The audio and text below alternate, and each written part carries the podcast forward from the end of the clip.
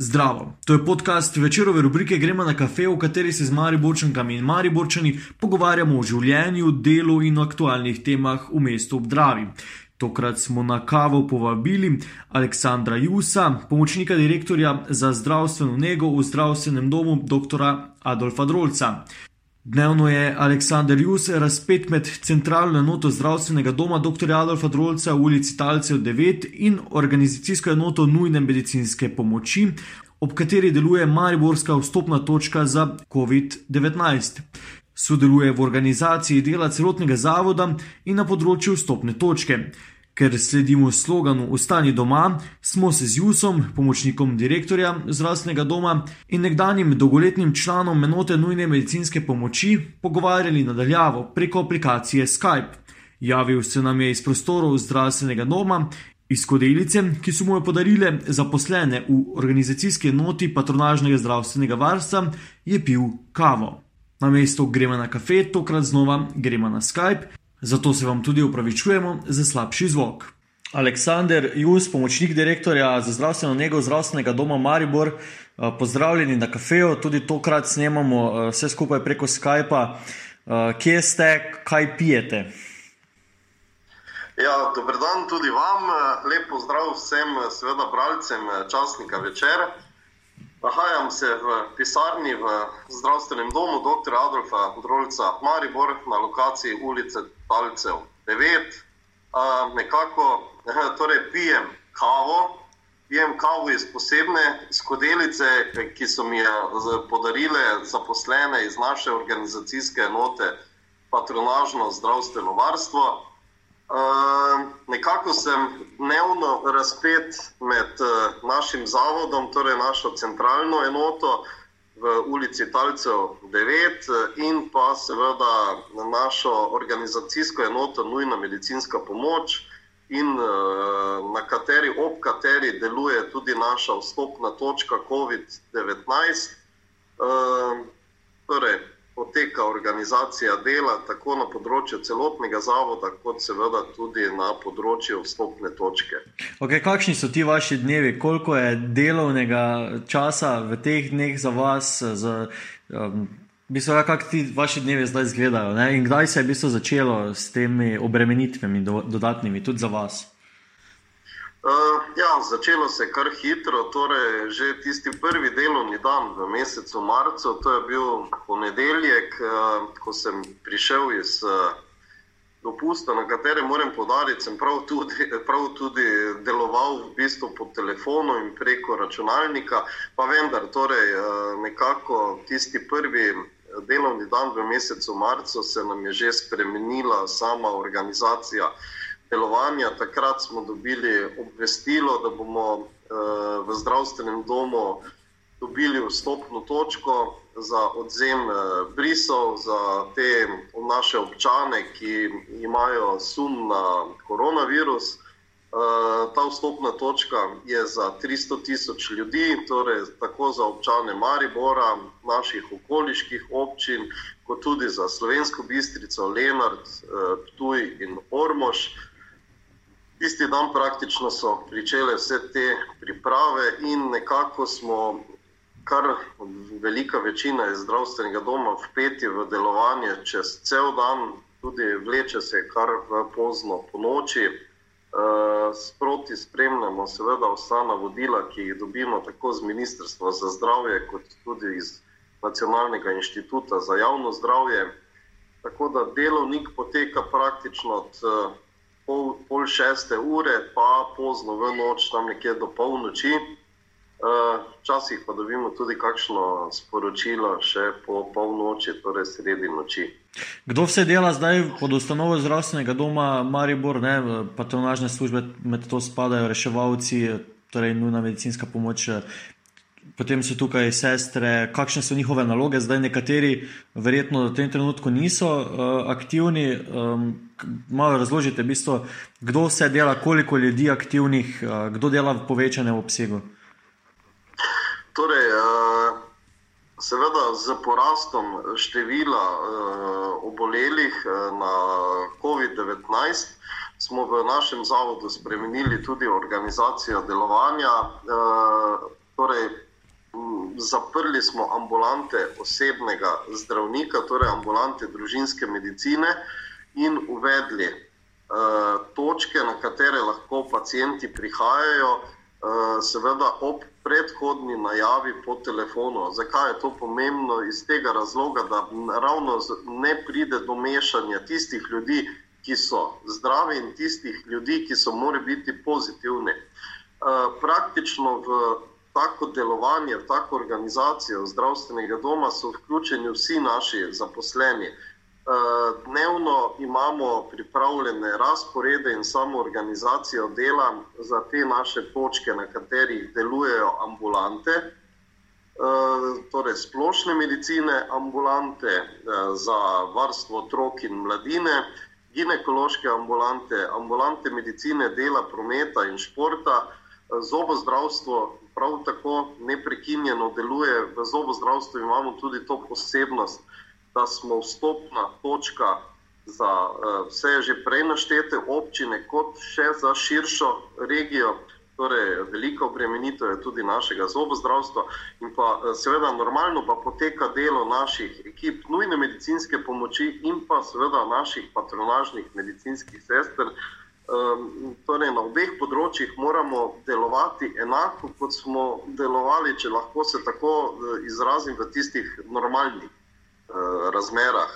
Okay, zdaj ste omenili to besedo normalne razmere, zdaj če so malo nenormalne. Kdaj, kdaj ste vi osebno eh, ugotovili ali pa spoznali, da, da se lahko kaj takega zgodi, oziroma da bo prišlo do teh razmer, kaj je to bilo, ko se je začelo v Italiji uh, dogajati, ali ko so prvi um, mariborski primeri bili potrjeni, čisto mogoče vaše osebno videnje tega? Torej, moja osebna pričakovanja so bila, ko so se začele drastično poslabševati razmere v Italiji. To je bil tisti teden pred 1. Eh, marcem, eh, ko smo spremljali novice iz eh, Lombardije, kako raste število teh obolelih z koronavirusom. Sem pomislil, da se bo seveda nek scenarij zgodil tudi v Sloveniji. Želel sem si, da bo to v čim manjšem obsegu, da bomo sprejemali pravilne odločitve tako na tistem najvišjem nivoju, kot seveda posledično tudi na vseh uh, ostalih nivojih. Uh, torej, na koncu smo seveda mi tisti izvajalci. Uh, hkrati sem pa si želel, da bodo ljudje vzeli stvari resno, da bodo ljudje se začeli hitro zavedati, kaj je koronavirus, kaj pomeni in kakšno grožnjo pomeni za vse nas. Zdaj, po nekaterih številkah, pač po teh uradnih številkah, potrjenih primerov v Mariboru, nekateri pravijo, ne, da je Maribor trenutno kar v nekih um, številkah, ki so recimo normalne oziroma obvladljive. Zakaj je v Mariboru tako, zakaj je mogoče v nekaterih drugih območjih Slovenije povečano število potrjenih primerov? To je težko reči, zakaj je v Mariboru eh, tako. Torej, eh, dnevno spremljam v bistvu število obolelih eh, z področja Maribora, kot torej, te regije, ki jo mi pokrivamo kot stopna točka. Trenutni podatki torej za danes kažejo na to, da imamo na področju Maribora 12 obolelih, 12 pozitivno potrjenih brisov, ki smo jih odzeli na naši stopni točki, ponavljam in pa na širši regiji pa te, je teh uh, 31. Uh, morda, tež, tu je zares, zares je težko reči, zakaj. Torej, uh, vemo, torej, uh, na področju Ljubljane, torej, seveda, živi večje število ljudi, uh, imamo tam Belo krajino, ker uh, je prišlo do okužbe v domu starostnikov. Eh, zgodil se je tudi, seveda, uh, šmarje pri Elšah, pa vendar, torej, uh, veste, nikoli ni to zagotovo imati teh številk. Veliko, veliko lahko ta koronavirus preživi dobesedno kot zdravi, torej kot nek čisto običajen blag prehlad ali kaj podobnega. In, uh, Zato tudi ministrstvo upozarja, da je ta številka obolelih, seveda pozitivnih, okaj više. Kaj ste vi občutili ta odziv Mariborčank in Mariborčanov na prve informacije, na prve pozive, ukrepe? Um, smo pravilno reagirali, ste pričakovali takšne reakcije, kako zdaj čutite na terenu, uh, vse skupaj? Uh, ja, na začetku, prav gotovo, ne, občani niso m, takoj vzeli te, teh opozoril in uh, teh nasvetov uh, zelo resno. Še vedno se je opažalo, da ljudje ne upoštevajo. Eh, torej, naš župan je mm, bil tisti prvi, ki je eh, sprejel neke bolj drastične ukrepe glede zbiranja ljudi, glede lokalov in vsega tega. In eh, to je sigurno pozitivno, pa vendar še vedno so ljudje posedali po parkih, torej na otroških igralih, katera so se zaščitila z zaščitnim trakom, izobeslo se je torej obvestilo, da je pač prepovedano, so se še vedno gugali, igrali otroci, uh, pa ne samo otroci, tudi odrasli. Na lastne oči sem to tudi videl. Uh, seveda, kasneje z vsemi temi opozarjanji, z vsem tem, pa so ljudje začeli prepoznavati tisto resnost ukrepov. Prav gotovo pa se še vedno najde kakšen, ko seveda teh uh, nasvetov, navodil in odredb ne upošteva dovolj resno. Okay, kaj je pa zaposlenimi? Um, ti so v prvih vrstah najbolj izpostavljeni. Kako ste jim sporočili vse to skupaj in kako so reagirali? Ne? Verjetno se tudi oni zavedajo resnosti, bolj kot recimo ljudje, ki, ki, ki to spremljamo um, z distance. Uh, ja, torej pri nas se je v zdravstvenem domu, smo, uh, seveda, že ob pojavu koronavirusa, uh, že ne samo v Italiji, ampak že na kitajskem in širjenju tega koronavirusa v druge države. Uh, smo imeli že sestanke, šli smo preverjati, kako je za našo osebno varovalno opremo, kakšen, z, kak, z čem razpolagamo. Pričeli smo z obveščanjem naših zaposlenih, eh, tako da smo postopoma sprejemali tiste ukrepe, ki so bili nujno potrebni, eh, in seveda, kasneje, ko se je koronavirus pojavil v Italiji, pa smo kar takrat že pričeli z rednimi sestanki tako imenovanega kriznega štaba, eh, v katerem sodelujejo vse organizacijske enote seveda si tukaj podajamo mnenja iz posameznih organizacijskih enot, uh, podajamo tudi primere dobre prakse, kaj na kakšen način nekaj dobro postoriti, dobro organizirati. Tako da poteka obveščanje naših zaposlenih eh, odlično. Eh, zaposleni so seznanjeni z vsemi ukrepi, eh, Eh, svetujemo, kako se naj uporablja osebna varovalna eh, oprema eh, pri katerem pacijentu. Tako da se res tukaj trudimo sodelovati z vsemi zaposlenimi. Smatram, da vsi zaposleni za res dobro delajo v tem trenutku. Um, včasih ste bili reševalec, so mi, po, so mi povedali. Uh, Zdaj je to kaj lažje, zdaj za vas pri sami organizaciji dela, pa pri sporočanju vsega tega um, ostalim delavcem, zaposlenim, ali, ali je to mogoče tudi kako breme, hkrati pa eh, še kratki izziv, kaj bi bilo težje za vas zdaj biti na terenu, ali je težje to, kar morate zdaj početi. Vseeno je velika odgovornost tudi na vas. Ja, res je, drži. Uh, jaz sem od eh, leta 1992 uh, zaposlen v našem zavodu. Praktično 20 let sem deloval na terenu v nujni medicinski pomoči. Uh, in uh, ja, moram reči, da po mojih žilah kar teče neka uh, reševalska kri, polna adrenalina. Uh, tako da v bistvu, seveda, sprejemaš vse izzive, ki ti jih eh, prinese služba kot taka. Uh, veste, vedno rečem, da so obremenjeni tisti, ki delajo na terenu, ki delajo v pacijentih. Tisti, ki nosijo tisti svoj največji stres, uh, tisti, ker v tistem trenutku, ko imaš ob sebi nekoga, ki potrebuje nujno medicinsko pomoč, ki je odvisen od tebe, od tvojih rok, to je prav gotovo najbolj zahtevno delo. Torej, delo z pacijenti je seveda tisto najbolj zahtevno. Vsi mi, ki pa delujemo v sami organizaciji tega, pa seveda se moramo truditi, da delo organiziramo dobro, da bo čim manj stresno tako za vse zaposlene, kot tudi za pacijente. In uh, nekako so, seveda, so obremenitve, pozabiš na te obremenitve, ker se zavedaš, da moraš delati dobro v korist vseh drugih.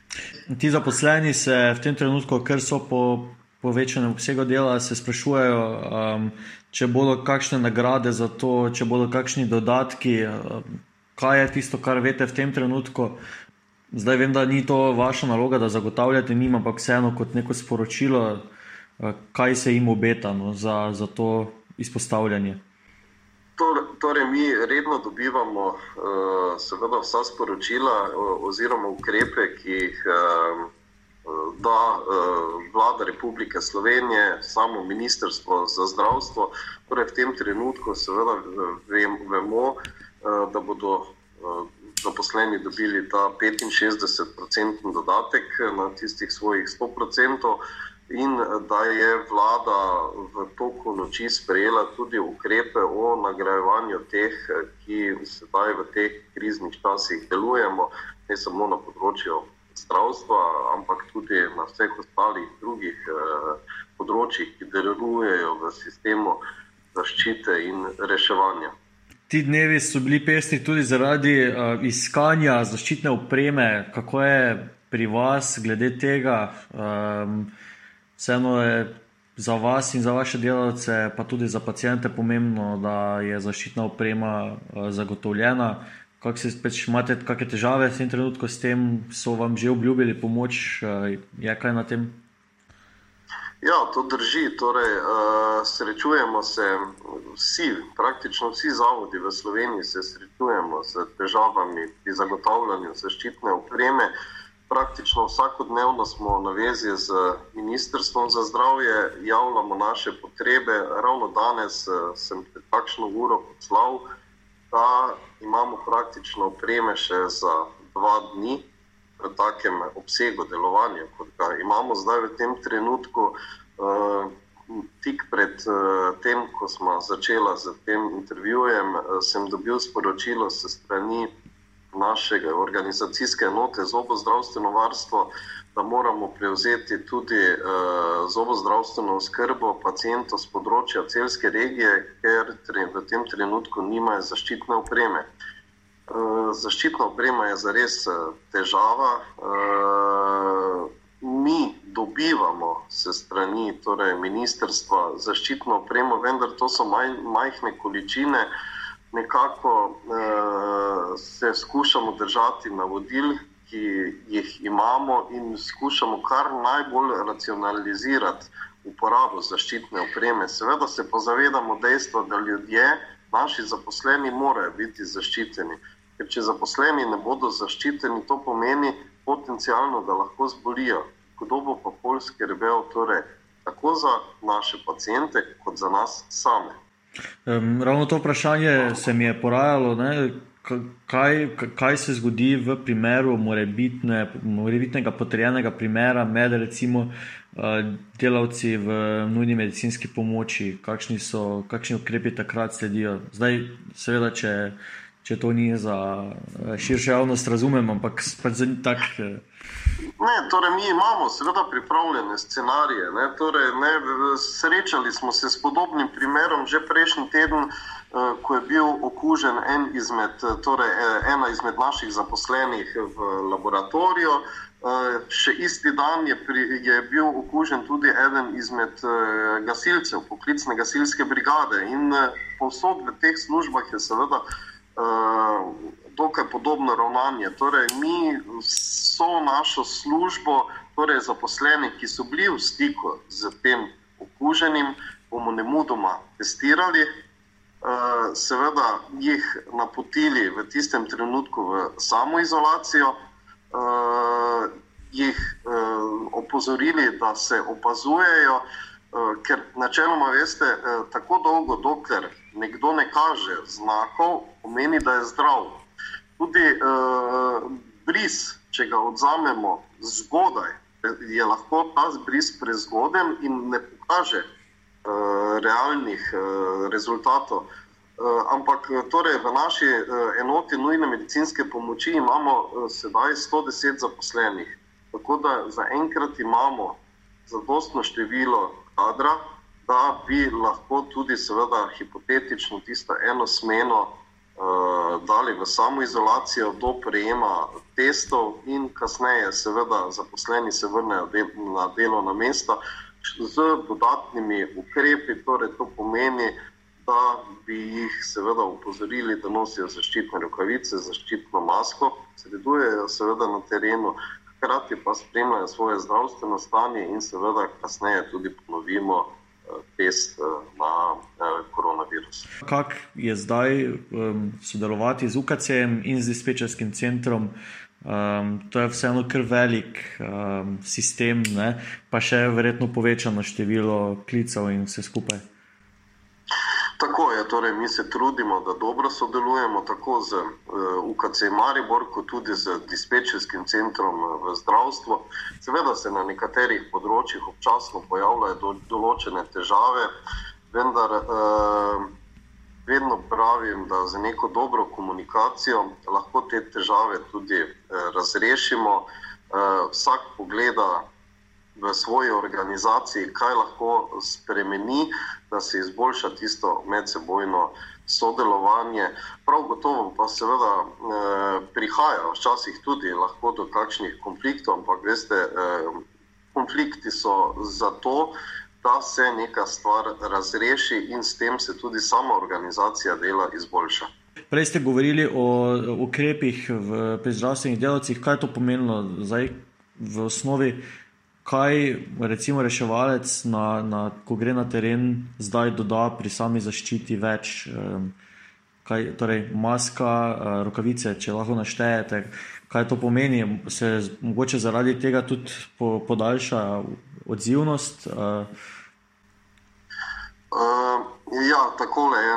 Torej, mi imamo dogovor z dispečersko službo zdravstva, torej z dispečerskim centrom Maribor, Eh, da pacijentom zastavlja določena dodatna vprašanja glede eh, znakov, ki bi kazali na morebitno okužbo z COVID-19. Eh, v takem trenutku, seveda, dobi ekipa obvestilo, podatek, da lahko gre za okužbo, da moramo obravnavati takšnega pacijenta. Ekipa se zaščiti že pred samim prevozom Torej, takoj gremo v te zaščitne kombinizone, v maske, vizirje oziroma očala, pokrivala, namestimo si tudi dvojne rokavice.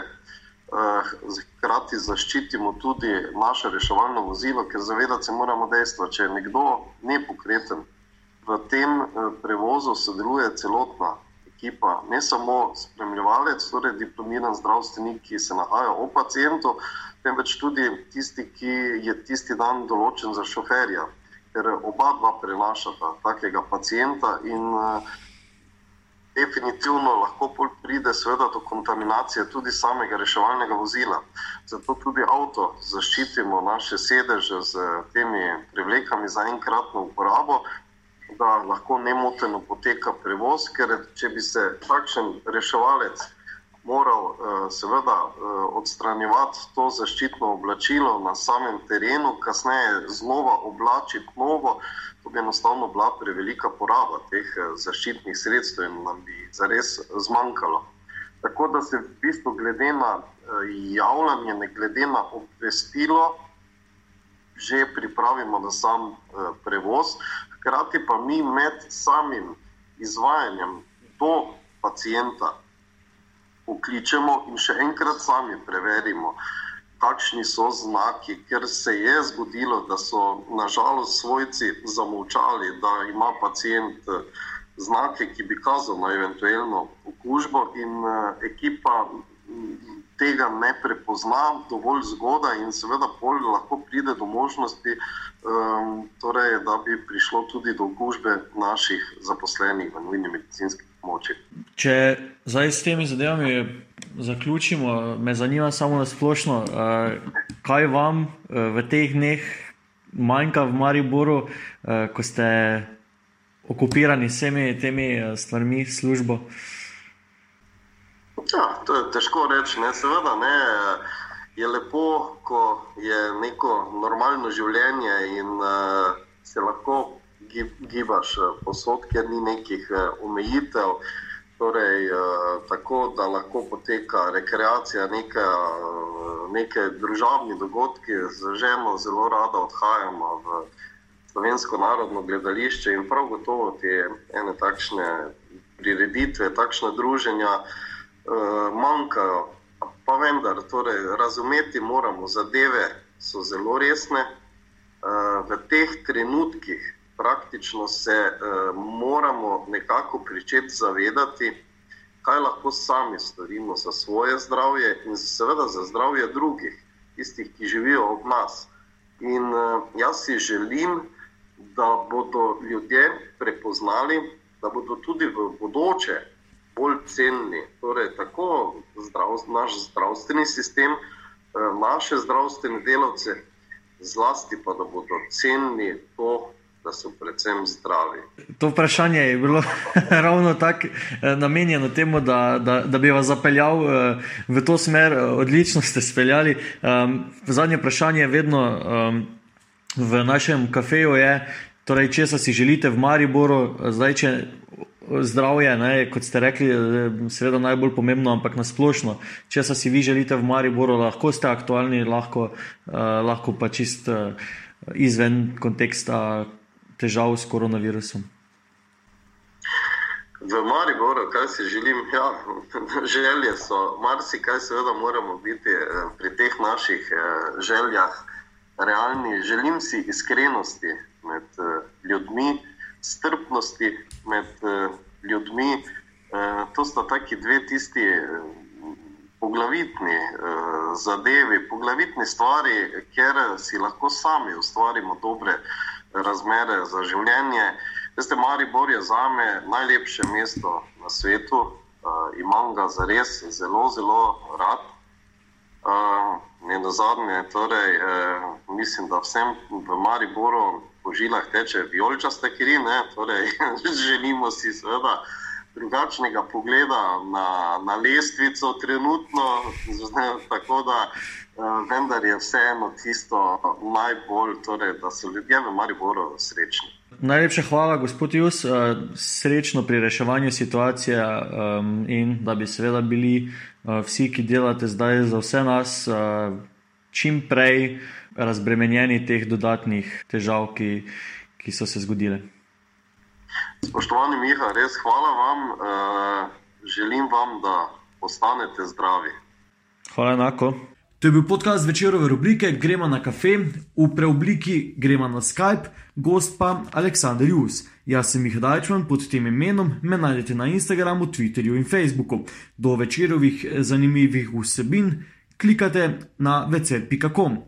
Vabljeni k poslušanju ostalih večerovih podkastov na SoundCloudu, iTunes in Google Podcast ter na ostalih aplikacijah, ki distribuirajo podkaste.